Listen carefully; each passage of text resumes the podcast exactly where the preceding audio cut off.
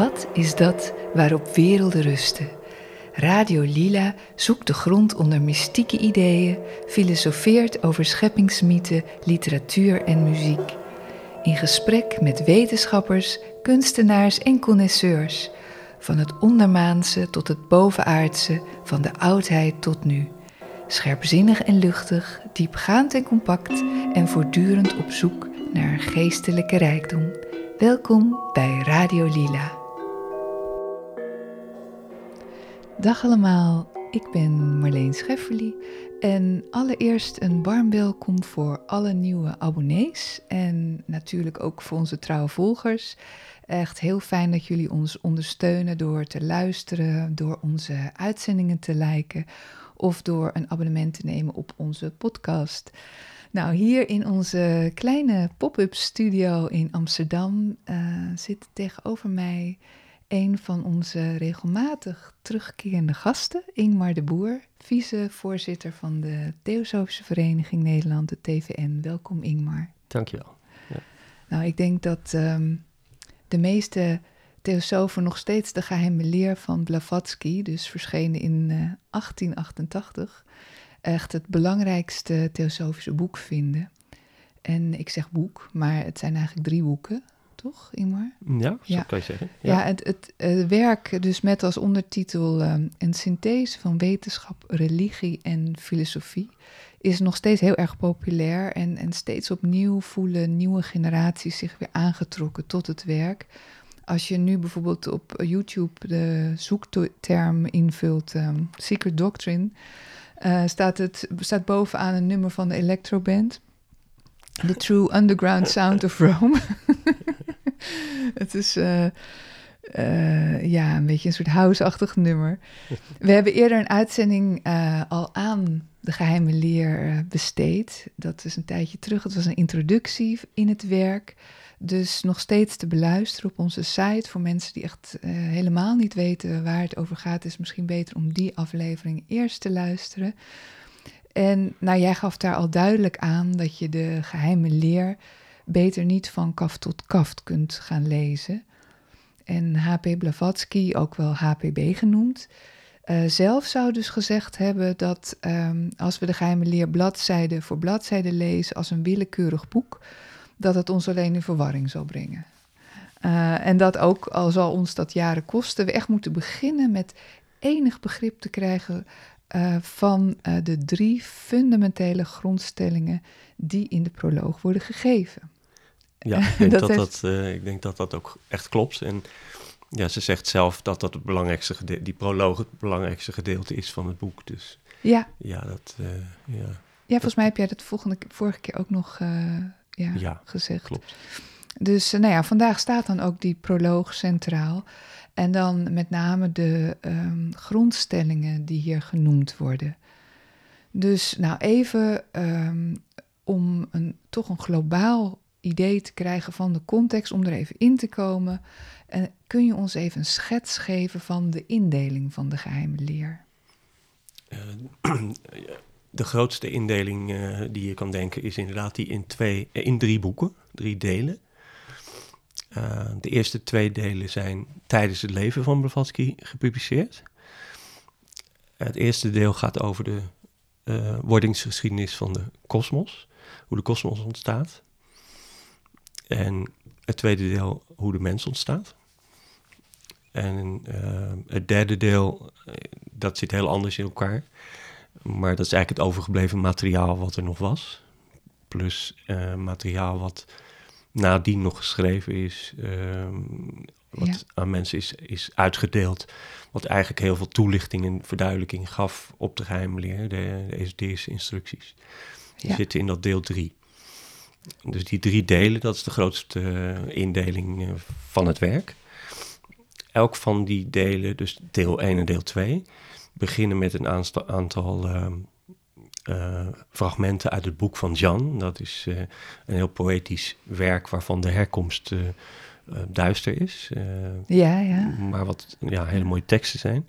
Dus elk van die boeken opent eigenlijk met een aantal van dat soort teksten. En de rest van het uh, van dat deel gaat het eigenlijk over de uitleg van die verschillende esoterische werken. Precies, ja. Ja, veel, veel mensen denken dat de geheime leer een hele nieuwe leer is. Hè? Ehm, uit die proloog merk ik ook echt op dat het meer een, een synthese is, meer een soort samenvoeging van oude wereldreligies. En Blavatsky heeft het over uh, pantheïsme, over de Brahmanen, Advaita Vedanta, boeddhisme, ik ga nog even door, christelijke theologie. Ze heeft het over de Zohar en het kabbalisme, de Egyptische cultuur. Ze spreekt over Tibetaanse teksten, dus over de rozenkruisers, de Europese filosofie. Dus ze noemt ook Plato, Schopenhauer. Maar ze heeft het ook over de Noordse en de Griekse mythologie. Het is echt een ongelooflijk breed cultureel palet. Hoe, verklaar jij deze antropologische inslag?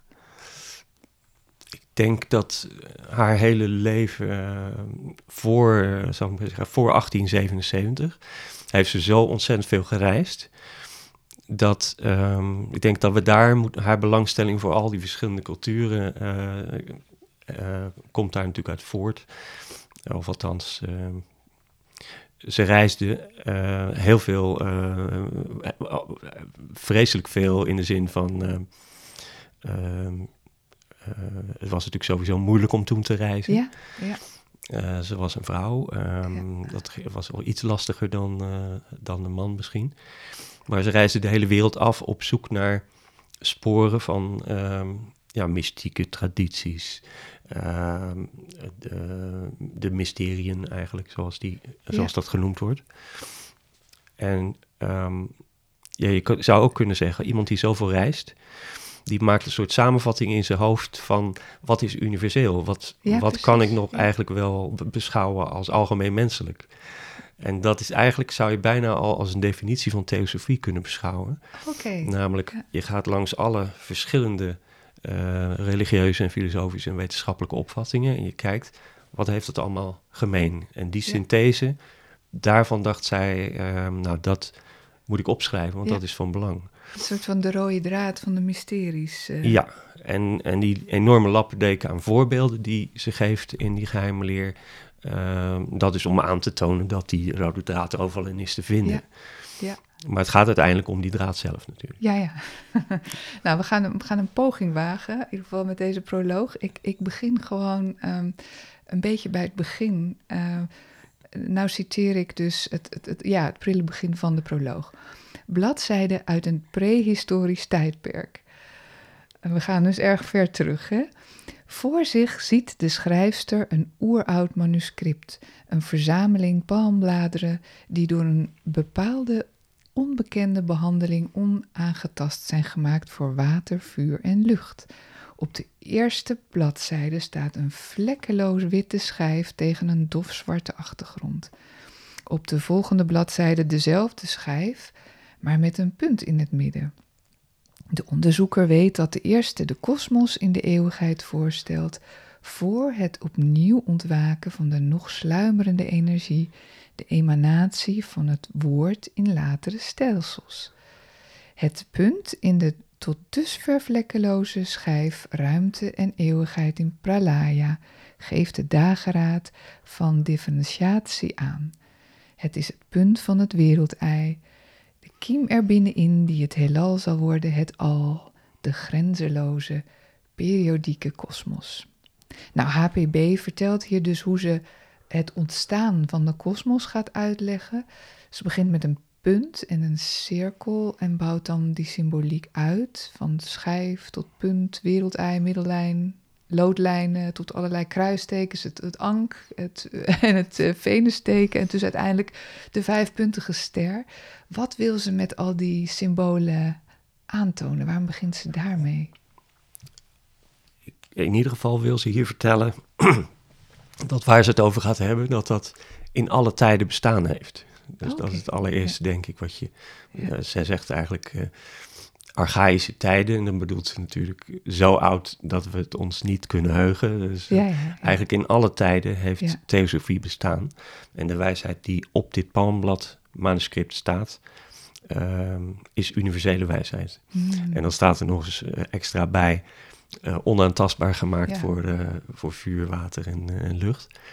Dus daar kun je een beetje uit opmaken dat het hier over iets geestelijks gaat. Ja. En niet over een, manu- een eh, echt manuscript, Ja, ja. wat echt uit palmbladen bestaat. Ja, Ze gaat ervan uit dat ehm, er een universele symboliek is.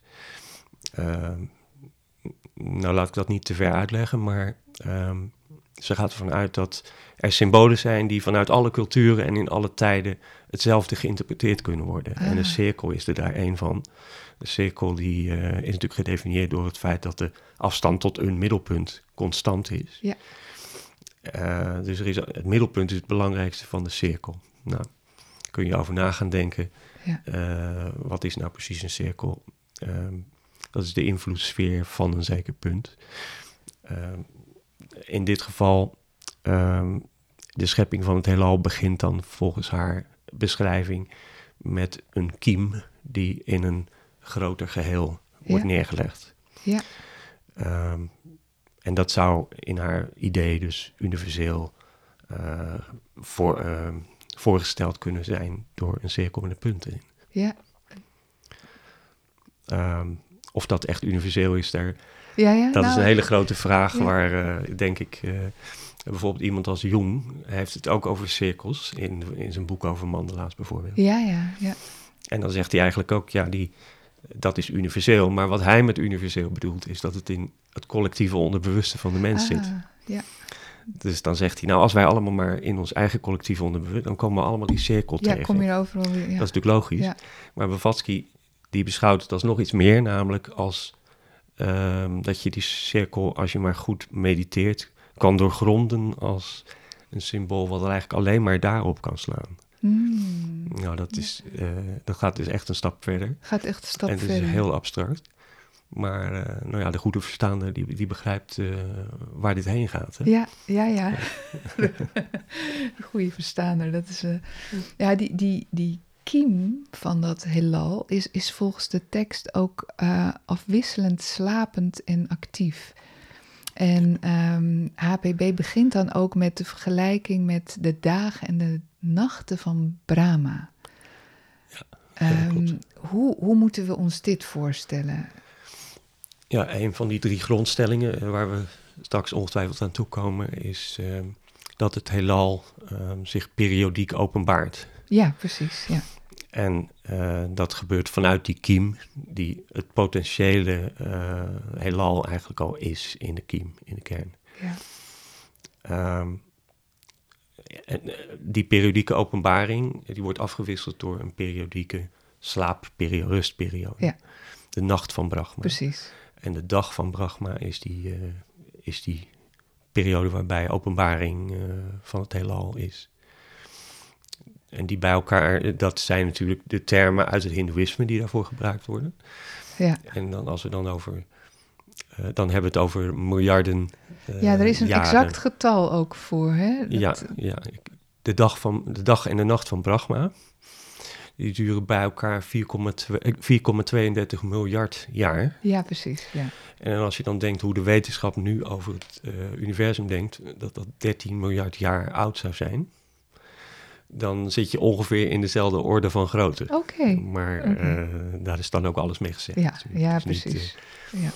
dit, is maar dan een, dit is dan maar een gedeelte Ja, ja. van een ja. wat groter systeem waar dan een hele week van Brahma ja, een rol precies. speelt. Ja, Eh, en in deze, deze getallen worden allemaal in de Surya Siddhanta opgeschreven. Dus iemand die deze dingen interessant vindt, die zou in dat boek, ik meen dat dat uit de achtste eeuw is of zoiets. Oh, interessant. Ja, En ja. daar heeft zij het eigenlijk ook gewoon uit. Ja, Eh, ja. Althans, er zijn natuurlijk allerlei mythologische of romantische verklaringen van hoe zij deze kennis heeft eh, opgedaan.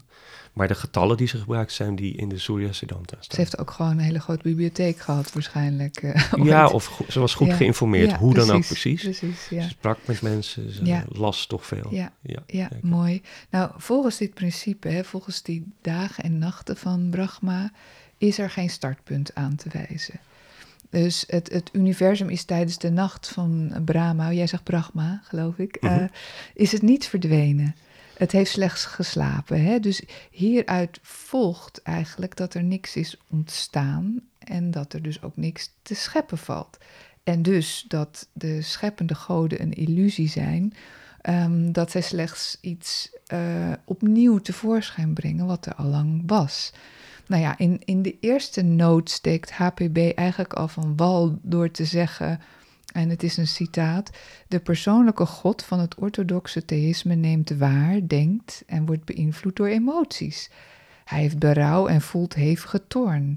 Maar het is duidelijk dat het denkbeeld van zulke geestestoestanden de ondenkbare vooronderstelling meebrengt dat de opwekkende prikkels van buiten komen, om nog maar niets te zeggen van de onmogelijkheid om onveranderlijkheid toe te schuiven, schrijven aan een wezen van wie de emoties wisselen met de gebeurtenissen in de wereld die het bestuurt.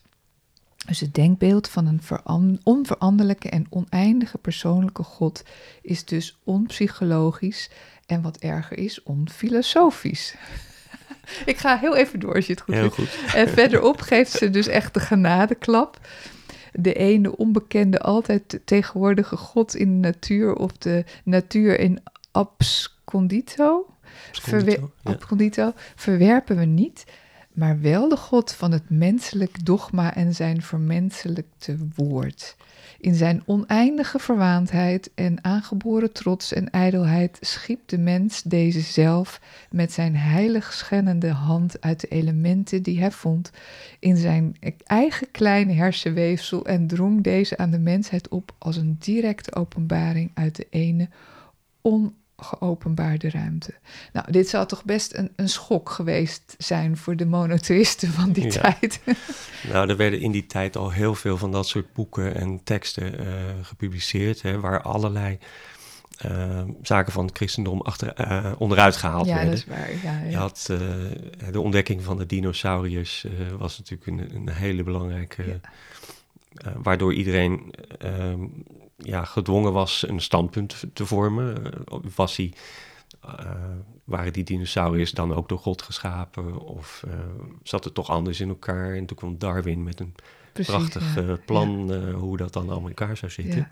Dus er brokkelden al heel belangrijke dingen van die religie af. Maar wat ze hier doet is inderdaad een soort religiehervorming, een soort revisie. Mhm. Want enerzijds is het natuurlijk wel degelijk, baseert ze zich ook op dat christendom, en, eh, maar dan als variant van een universele Mhm. eh, leer. Ja, Die, dan in haar, eh, die wij dan nu theosofie noemen. Maar die in feite ja, de esoterische leer of de eeuwige wijsheid is. ja, ja, precies. Dus maar als stel nou dat, als die scheppende God dus niet bestaat, eh, hoe moeten we dan de schepping zien? Hè? Dus eh, Blavatsky zegt dus over de filosofen van Advaita Vedanta, en ik ga weer citeren, ze tonen aan dat het op filosofische gronden onmogelijk is het denkbeeld te aanvaarden dat het absolute al het gouden ei schept of zelfs evolueert. Waarin het, ehm, even kijken, waarin het, zoals men zegt zelf, eh, zegt, intreedt om zich in Brahma de schepper te veranderen. Die zich later ontwikkelt tot de goden en het hele zichtbare heelal. Ja. Ja, zou ik nog doorgaan? Nee, oké, ik eh, ga nog één stukje. ja. Ze zeggen dat de, de absolute eenheid niet kan overgaan in oneindigheid, want oneindigheid veronderstelt de onbegrensde uitbreiding van iets en de duur van iets. mhm, ja. Ehm, ja, dus eh, als men kon veronderstellen dat het eeuwige oneindige al, de alomtegenwoordige eenheid, in plaats van in eeuwigheid te zijn door periodieke manifestatie, een veelvoudig heelal of een meervoudige persoonlijkheid werd, zou die eenheid ophouden om één te zijn. Dus als die scheppende God niet bestaat, hoe moeten we dan naar die schepping kijken? Ja, Ehm, inderdaad, een van de belangrijke vragen als je de geheime leer bestudeert, maar dat zal misschien ook zo de belangrijkste vraag zijn als je natuurkundige bent, is eh, wat bestond er voor de schepping? Ja, Eh, wat Ja. bestond er nou eigenlijk in die toestand, ehm, nou ja, waar in het allereerste begin in het boek van de geheime leer over wordt gesproken? Eh, de toestand van ehm, waar tijd nog niet ehm, in stukjes gehakt is, maar waar tijd een eeuwige duur heeft. Mm. En waar ruimte niet in kilometers of centimeters verdeeld is, Ja, maar in een on- oneindig groot uitgestrekte eh, ruimte. Eh, Die toestand, ehm, de toestand voor, nou ja, ik noem het maar even de schepping, maar uit het voorgaande ja. bleek al dat het woord schepping eigenlijk niet juist is. Ehm, ehm, die toestand voor de schepping bevat in feite alle materie al in atomaire vorm die in dat navolgende universum nodig is. ja. Alleen die is nog ongevormd. En het is dus niet scheppen wat er gebeurt, maar vormen. Ja, ja, ja. Dus die Ja. scheppende goden, eh, de goden waarover Blavatsky het eh, een eindje verderop in de geheimleer heeft, die vormen eh, die oermaterie tot Ja. wezens zoals jij en ik. Want op het moment dat je dus ehm, een, eh, als, dat er iets zich gaat manifesteren, dat er iets begint, dat er iets gevormd wordt, hè, zeg jij, ehm, dan ehm, manifesteert zich tegelijkertijd een ruimte. En ehm, ja, zij noemt dat ruimte, de eeuwige Opa Paduka. Dat wat er altijd al was, de kiem in de wortel, zegt ze daarover. Ja, Eh, wat is het dat altijd komen gaat, de grote adem? Ja, hoe, hoe moet je die ruimte dan weer zien? ja ruimte is dus in haar begrip ehm, is dat iets wat altijd bestaat. Dus ook voor de schepping bestaat er ruimte. Maar het, concre- het concretiseert zich als het ware op het moment van de schepping. Dat wil zeggen dat, er, ehm, nou ja, dat je er stukjes van af kan nemen.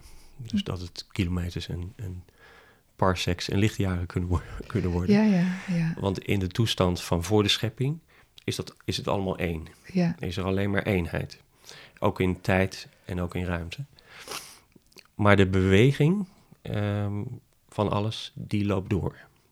Eh, de hoeveelheid beweging, en als ik dat zeg, dan zullen de natuurkundigen onder ons meteen denken, ah, hoeveelheid beweging, dat begrip ken ik, ja, van Newton. Of, eh, die hoeveelheid beweging die er in het universum is, die blijft ook is ook behouden. ja, En die eh, zorgt ervoor dat er uiteindelijk toch weer een nieuw universum zal ontstaan op de dag dat dat zal gebeuren.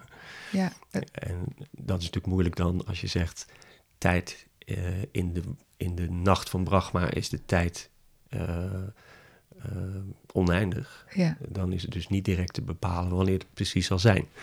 Nee, nee, zou... daarom staat er in die stanza's ook nadat ehm, de moeder ehm, zeven eeuwigheden gesluimerd heeft. Ja, ja, ja. Dus dat, dat wordt erg. eh, Zou je ook kunnen zeggen dat eigenlijk dat hele, dat voorgaande heelal helemaal verdwenen is in dat punt en dat er daarna weer eruit zou komen? Ja, als je vanuit het lagere standpunt kijkt, dan zou je, zou je zoiets kunnen denken. En dan ziet het er eigenlijk uit als wat wij nu de Big Bang noemen. Ja, ja. Dat uit een punt, heel erg klein, op een zeker moment. Want als je vanaf deze kant kijkt, is dat een zeker moment geweest. Die Big Ja, Bang is ja. die 14 miljard jaar geleden gebeurd. Precies, of iets dergelijks. Ehm, en dan ziet haar universum er precies zo uit als ons moderne universum. Dat, dat Eh, al het 100 130 jaar later. gerecyclede weer uit die punt terugkomt, zeg maar, van wat er al was. Ehm, de basisonderdelen. Ja, ja. onderdelen. dus ehm, het allereerste begin in het natuurkundige universum, moderne universum, is dat er een soort soep is Ja, eh, van plasma en van eh, eh, deeltjes die nog niet ehm, bij elkaar zijn gekomen. De energie is nog te groot om ehm, eh, bijvoorbeeld een molecuul te vormen of een Mhm. atoom te vormen. Mhm. En dat is in feite wat de Blavatsky ook zegt.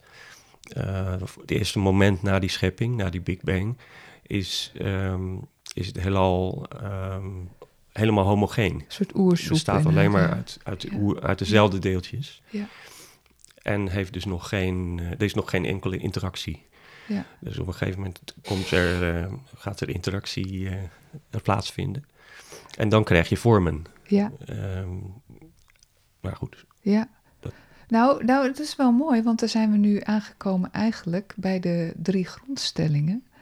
Eh, eindelijk. En ehm, ja, dat, dat, dat gaat daar eigenlijk op, op door natuurlijk, op die, op die eenheid. Ik zal de eerste voorlezen en dan kun jij daarop reageren. Of ik ga hem niet helemaal voorlezen, maar een, een stuk. Uh, ik gebruik overigens de vertaling van de online Nederlandse versie van de Theosophical University Press Agency. Ja. Oké, daar gaat hij. Een alomtegenwoordig, eeuwig, grenzeloos en onveranderlijk beginsel waarover elke speculatie onmogelijk is, omdat het het menselijk begripsvermogen te boven gaat en door menselijke uitdrukkingen of vergelijkingen alleen kan worden verkleind. Het ligt buiten het gebied en het bereik van het denken. In de woorden van de Mandukya Upanishad, ondenkbaar en onbeschrijfelijk. Einde citaat. Nou, het begint dus met een oorzaakloze oorzaak. Ja, klopt. Uh, eigenlijk is dit de stelling waar de theosofie mee begint. Uh, dat wil zeggen, het is de eerste voorwaarde. Daarom heet het ook eigenlijk grondstellingen van de geheime leer of grondstellingen van de esoterische filosofie die wordt gepresenteerd. Zonder deze stelling kun je eigenlijk geen theosofie bedrijven. Je kan niet een theosoof zijn en dan echt denken, ja, maar er is helemaal niks, geen beginsel of uh, er is geen God of er is geen dus het echte atheïsme gaat niet samen met de theosofie. Nee. Dus dit is de, dit is de aftrap van een systeem waar dit een, uh, een grondstelling in, de, in die zin dat het grondstelling van is, in de zin dat het um, um, niet nog verder beredeneerd wordt. Het is een soort axioma. Ja, dat, het begint dus met een soort absoluut bewustzijn, zou je kunnen zeggen. Uh, ja. Parabrahman noemt ze dat ook wel. Ja, precies. Ja, precies. Um, nou, dat, dan zijn we al bij de tweede grondstelling aanbeland. Het dat gaat, gaat Nou ja, we staan maken, echt mega stappen natuurlijk. Um, ik ga hem nu uh, even voorlezen.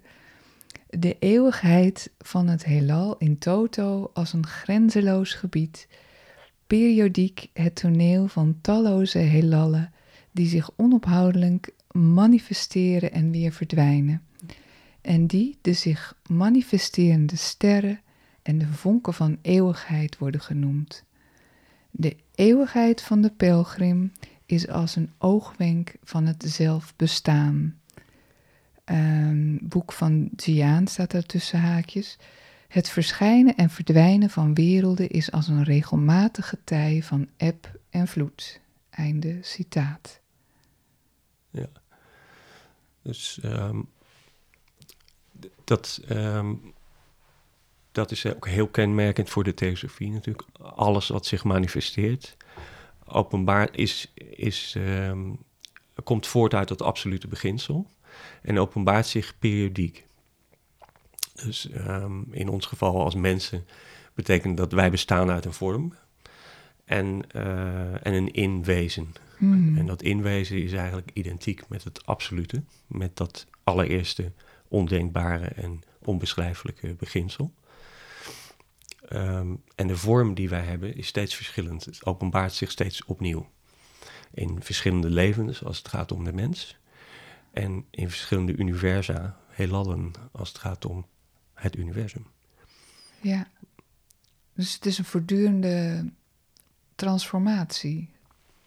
Ja, en in elk van die cycli um, wordt weer iets als het ware bijgeleerd of bewuster. Ja. Uh, uh, wordt, wordt eigenlijk dat algemene beginsel uh, van de eerste grondstelling, wordt zich zelf bewuster. Maar in dat, elke cyclus. dat zou ook betekenen, zeg maar, dat we steeds ehm, beter worden als, als mensheid. Ja. Klopt dat? Ja, de theosofie um, is, een van de belangrijkste principes is, we leren voortdurend. Ja, ja. We veranderen voortdurend. We zijn in ontwikkeling, mens is in ontwikkeling. Dat is ook een van de dingen die mensen vaak herkennen. Als ze bij de theosofische vereniging komen, dan zeggen ze, ja, ik heb het gevoel dat ik een ontwikkeling ben aan het gaan. Ja. En ik merk dat eh, hier wordt gesproken over het spirituele pad, bijvoorbeeld. Nou, dat, Ja. is, Ja. stuk, dat is eigenlijk een andere formulering van diezelfde ontwikkeling. De, dat is eigenlijk een soort micro-ervaring van waar we het nu over hebben in het, in het groot. Want Ja. ehm, kijk, op dit gebied blijft er natuurlijk, in dit soort transformatie, blijft er natuurlijk niks over van jou als mens, als persoonlijkheid. Of hoe moet ik dat zien? Ehm, nou, van die vormzijde, die valt weer uiteen. Eh, maar de ervaringen die je opdoet, die blijven ehm, in abstracto, dus bewaard op een volgend gebied. Ja, ja, die... Dus dat geldt voor de mens. De mens, uh, de theosofische, het theosofische beeld van de mens is zo dat de mens leert. En die leer, dat wat hij geleerd heeft, blijft bewaard. Maar dat waarmee hij het geleerd heeft, namelijk zijn lichamen, Mhm. zijn denken, zijn voelen, zijn uh, handelingslichaam, die verdwijnen weer en komen weer te goede aan andere wezens. zou ik maar, zeggen. maar dan betekent dus eigenlijk dat dat, uh, dat, uh, dat absolute bewustzijn, dat dat uitdijt, dat dat intelligenter wordt? Of... Ja, het, ja, klopt. Het blijft altijd hetzelfde in de zin dat het absoluut is, ja. maar het verandert. Anderzijds omdat het zich zelf bewuster wordt. Dus God is aanvankelijk, zou je kunnen zeggen, doof, blind en stom ja, in de ja. theosofie. Ja. En aan het eind van de cyclus is hij zich volledig zelfbewust. En dan gaat hij weer door dat, door dat punt heen en dan begint alles weer opnieuw. Um, in Nieuwman van Terra. Ja. ja. Jazeker. Oké, ja. nou goed om te weten. Ja. Uh, uh, maar, maar elke ervaring blijft dus um, in essentie... Um, draagt hij zijn steentje bij aan een hogere ontwikkelingscyclus. Dat is het, de gedachte. ja. Dus er gaat nooit iets essentieels verloren. Nee. Nou, eigenlijk zou je ook kunnen zeggen... Het, het je herinnert je, of hoe moet ik het zeggen... je haalt het bewustzijn eigenlijk weer erbij wat je verloren bent. Want er gaat niks verloren. Dus het was er al, uh, die wijsheid. Mm, ja, ik zou dat niet zeggen. Dat wordt wel vaak gezegd, maar ik zou dat niet zeggen. Um, um, in, um, in potentie is het er al. Ja. Maar in actualiteit moet je het nog verwerven. Ja, ja. Moet, ja. bewustzijn, dat is een moeilijk woord, kun je op allerlei manieren uh, over. Uh, daarom gebruik ik meestal het woord zelfbewustzijn voor. Uh, nou ja, je kan het ook op mensen toepassen. Ja, natuurlijk. ja. In hoeverre is iemand zich bewust van alles wat er zich in hem afspeelt? spirituele ontwikkeling leidt ertoe dat je je veel bewuster bent van hoe je zelf in elkaar zit, hoe je tegenover anderen bent ja. en hoe je in de wereld staat, wat je relatie is met de wereld en met God. Dus um, dat gebeurt dan ook met, uh, met God. Uh, God is, is ook een zich ontwikkelend wezen. Ja, en zou je kunnen zeggen dat je eigenlijk doordat uh, dat je steeds meer van, dat, van het ego van je afwerpt, van je persoonlijkheid, dat je daardoor um, dichter komt te staan bij dat uh, para-Brahman? Of uh, ja, ja. een soort hoger zelf? Uh, ja. ja, eigenlijk is dat een voorschot op de derde grondstelling. Ja, oké. Okay. ja, oh, laat. Ik, nee, laten we daar inderdaad. Ik loop de zaken vooruit. Um, de derde en laatste grondstelling. Ik ga voorlezen. Dat alle zielen in essentie identiek zijn aan de universele overziel die zelf een aspect is van de onbekende wortel en de verplichte pelgrimstocht voor iedere ziel, een vonk van eerstgenoemde. Door de cyclus van incarnatie of noodzakelijkheid in overeenstemming met de cyclische en karmische wet gedurende, gedurende het hele tijdperk. Einde citaat. Het is een, een, een draak van een zin, dit. Uh, maar... Ja, eigenlijk die proloog is, is een aaneenschakeling van dergelijke zinnen. ja, ja, ja, oké. Okay, maar het is natuurlijk ook moeilijk om dit samen ja. te vatten. Nou ja, de, de essentie is dus... Um, wij zijn vonkjes van het grote vuur.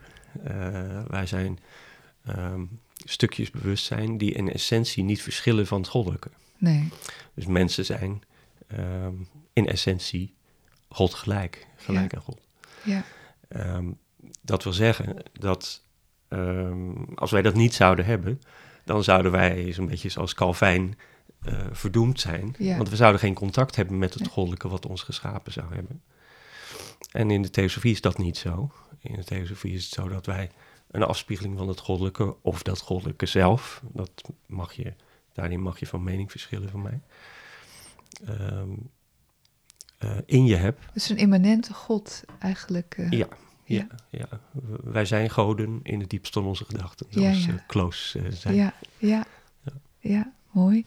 Um, en het, het is een verplichte pelgrimstocht, dus we moeten wel, we kunnen er niet aan ontsnappen. Ja, in zo'n zin zit, zit dan zo'n woordje verplicht verstopt. ja, En ehm, ja, dat is natuurlijk een vraag. Ook weer een hele grote filosofische vraag. Van waarom begint dit verhaal eigenlijk? ja, En daar worden natuurlijk ook allerlei eh, ja, dogma-achtige antwoorden op gegeven. Zoals van eh, het goddelijke eh, wilde niet meer zich in zijn toestand alleen zijn of iets dergelijks. Ja, ja, Of had de wens om te scheppen. Of wilde. Maar- Verveling, Ja, goddelijke maar- verveling. maar waar we het net al over, over hadden, was dat die beweging in het universum eigenlijk nooit stopt. Ja. Dus dat wil zeggen, er komt altijd weer een nieuwe fase. Ja. eh, zonder dat daar iets bijzonders voor nodig is. Want die beweging blijft altijd bestaan. Hoeveel Ja. beweging in het universum is constant, Ja, zou je kunnen zeggen. het gaat vanzelf. Maar er, er ontvouwt zich hier wel een hele hiërarchie, hè? In, in de- deze derde grondstelling. Ja, ja. Hoe, eh, Nou ja, het gaat, het gaat uiteen, laat ik het zo zeggen. Er wordt van alles, eh, eh, ja, van hoger, lager. de- de- ja, ja. Ja, uiteindelijk is natuurlijk het universum een complex gebeuren. ja, Terwijl er één God achter dat geheel zou staan. Ja. Ik gebruik nu het woord God, maar meestal zeggen we goddelijke, Ja. eh, iets goddelijks. ja, Ehm, maar ehm, op verschillende niveaus van complexiteit ehm, zijn, je zou kunnen zeggen, eh, de grotere niveaus van complexiteit omvatten de eh, om, niveaus van minder complexiteit. Of, nou ja, goed.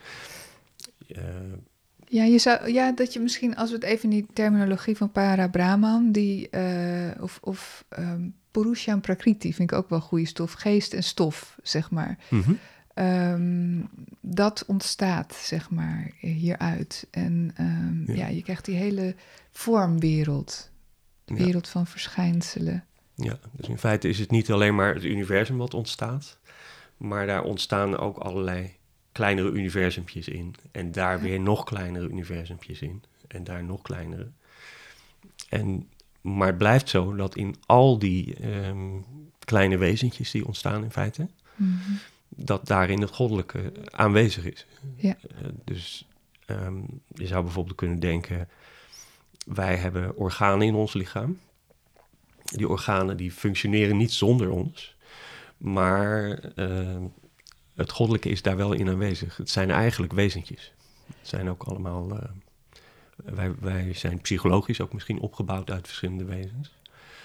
En ehm, wij als mensheid zijn eigenlijk weer een groter wezen wat bestaat uit de kleinere wezens van de mensen. Dus, dus zo, is, zo kan je dat hiërarchisch eh, je voorstellen. Het, het is een soort uitdijend godsmanifestatie, zijn we. Ja, ja, ja. differ- gedifferentieerde, ehm, maar geïntegreerde Ja, ja, ja. eh, schepping. Is het. Eh, Ook de, de drie-eenheid speelt hier een bepaalde rol. Hè? In, het, in het christendom heb je natuurlijk Vader, Zoon en Heilige Geest. En maar in de Vedische leer heb je de Trimurti, Vishnu, Shiva en Brahma. Dus de vernietiger, de, de schepper en de instandhouder. Ja. Is, speelt dat ook nog een rol bij deze grondstelling? Of is dat... Nou ja, als je je dus voorstelt dat de mens uit die twee polen bestaat, het goddelijke in hem hmm, en de vorm waar, die, eh, waar dat goddelijke in leeft. Ja, zo is dat bij elk wezen zo, omdat alles wat ehm, in het universum zich afspeelt, is een kopie van wat het universum in zijn in toto is, in zijn heel is.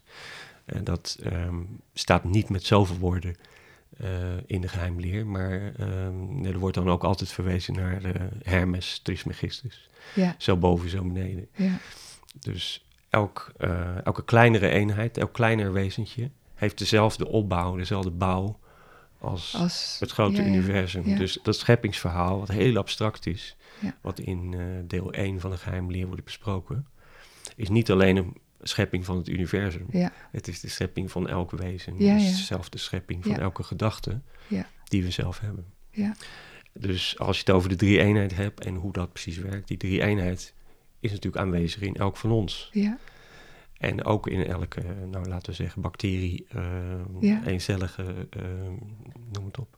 Ja, nou, dat is, het sluit wel goed aan bij eh, eigenlijk niet deze, maar de volgende vraag van hoe kunnen we voorkomen met dit soort teksten dat we vervallen in een soort abstract luchthappen of spiritueel luchthappen. Want het, het is natuurlijk nogal wat waar, eh, wat er nu besproken wordt, het begin van alles. Maar als je tegelijkertijd het terug kan brengen naar ja, gewoon hele eenvoudige fysieke processen. Ja, ja. Ja, dat is een, een van de bijzondere kwaliteiten van, van dit boek. Er zijn natuurlijk ongelooflijk veel boeken over uh, allerlei luchtfietsonderwerpen geschreven. Ja. Maar dit is, um, ja, het is een werkelijk een synthese van filosofie, religie en wetenschap. En dat betekent dat het ook op wetenschappelijk gebied inspirerend kan zijn. Ja. En dat het ook op filosofisch Het is dus een, ja, toch een zeker, het is, het is een soort geniaal boek. En zij was een soort genie. Ja, ja. Uh, en het is niet zomaar een fantasie van iemand. Ze heeft haar hele leven aan deze filosofie gewijd. En, um, en ze had hele bijzondere capaciteiten. Ja. En daardoor schrijft ze dingen die, um, ja. Ja. die, die zo ver gaan dat het. Um, nou ja, dat je het overal in kan terugzien. Omdat het daadwerkelijk universeel is, wat ze zegt. ja. En dat is inderdaad heel wat. Want ze heeft hele grote pretenties in dit boek. Uh, Ja, in de eerste, eerste ja. Op de titelpagina zegt ze al, het is een synthese van eigenlijk Ja, ongeveer precies. alles. en dan is de vraag, maakt ze dat eigenlijk waar? Ja, we zitten volgens haar ook echt aan de grenzen van ons bewattingsvermogen. Maar ja, ondanks dat vuurt ze dan toch nog die hele serie stanza's op ons af. Dus eigenlijk, ja, met andere woorden, waarom moeten we eigenlijk proberen iets te begrijpen wat niet te begrijpen valt, Ingmar?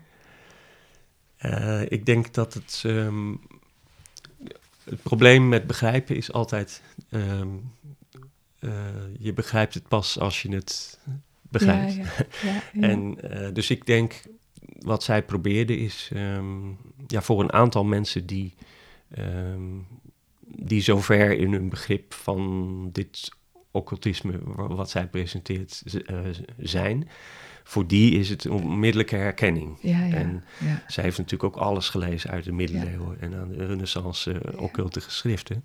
Dus iemand die dat soort dingen al kent, die begrijpt dat heel makkelijk. Ja. En daar is het ook niet zo moeilijk voor. Um, maar kom je helemaal koud uh, van de straat, zal ik maar zeggen, Ja. uh, en probeer je iets van te maken, dan kan je er natuurlijk wel heel goed in verdwalen. Ja. En dan is het ook moeilijk te onderscheiden of dit nou een subjectieve uiting van Blavatsky is, of dat hij iets heel moois, universeels. Ja. Want dat kun je dan gewoon niet zien, niet onderscheiden. Ja. Um, maar goed, dat is het lot van iedereen die een moeilijk Ja, boek schrijft. absoluut. En, uh, Nou, ik denk zeker dat het helpt als je de- bronteksten bekijkt. En dan Ja, eh, ja. dat je daarna terug kunt grijpen ook als soort Zeker. houvast misschien. Ja, het allerbelangrijkste is volgens mij om te proberen het serieus te nemen. Ook al kan dat soms heel moeilijk zijn, want ze maakt het soms hier en daar op dat punt heel moeilijk. Maar neem die tekst serieus en ga proberen te begrijpen wat ze ons probeert te vertellen. En ehm, eh, daarbij kom je dan natuurlijk allerlei moeilijkheden tegen, zoals van nou, het is toch alweer bijna Ja. 150 jaar geleden geschreven. Ja, De terminologie, eh, de filosofie die we misschien niet altijd meer kennen nu. Ja. Ehm, maar desondanks staan er eh, die, die grote principes waar we het nu een beetje over gehad hebben, ja, die, ehm, die staan er echt in. ja, En die kun je overal herkennen. Ja. Ook in andere occulte boeken, maar ook in moderne esoterische boeken. Want ehm, het zijn universele principes, dus je, je vindt ze overal terug. Ja. Dus je kan ze in jezelf herkennen. Vaak eh, hè, als je het verschijnsel mens als zo'n manifestatie eh, van het goddelijke beschouwt. ja, Maar ook eh, ja, in de natuur die je om je heen ziet, bij wijze van spreken. Ja. Of in eh, het functioneren van mensen. Of zelfs in eh, de interactie van mensen. eh, Ja. op het psychologische vlak. absoluut. Nou, ik denk dat het ook natuurlijk niet voor niks is dat het nog steeds gedrukt wordt en zoveel Ja, gelezen. zeker. Dus, nou, ik wil je heel erg bedanken voor dit gesprek. Weer bedankt voor het luisteren. En als je wilt reageren op de uitzending, kan dat via onze website, op onze Facebookpagina of door te mailen naar radiolilapodcast.gmail.com. Voor alle vragen of opmerkingen over de behandelde thema's of andere zaken, of als je ideeën hebt voor onderwerpen, laat het ons weten via www.radiolila.nl. Tot de volgende.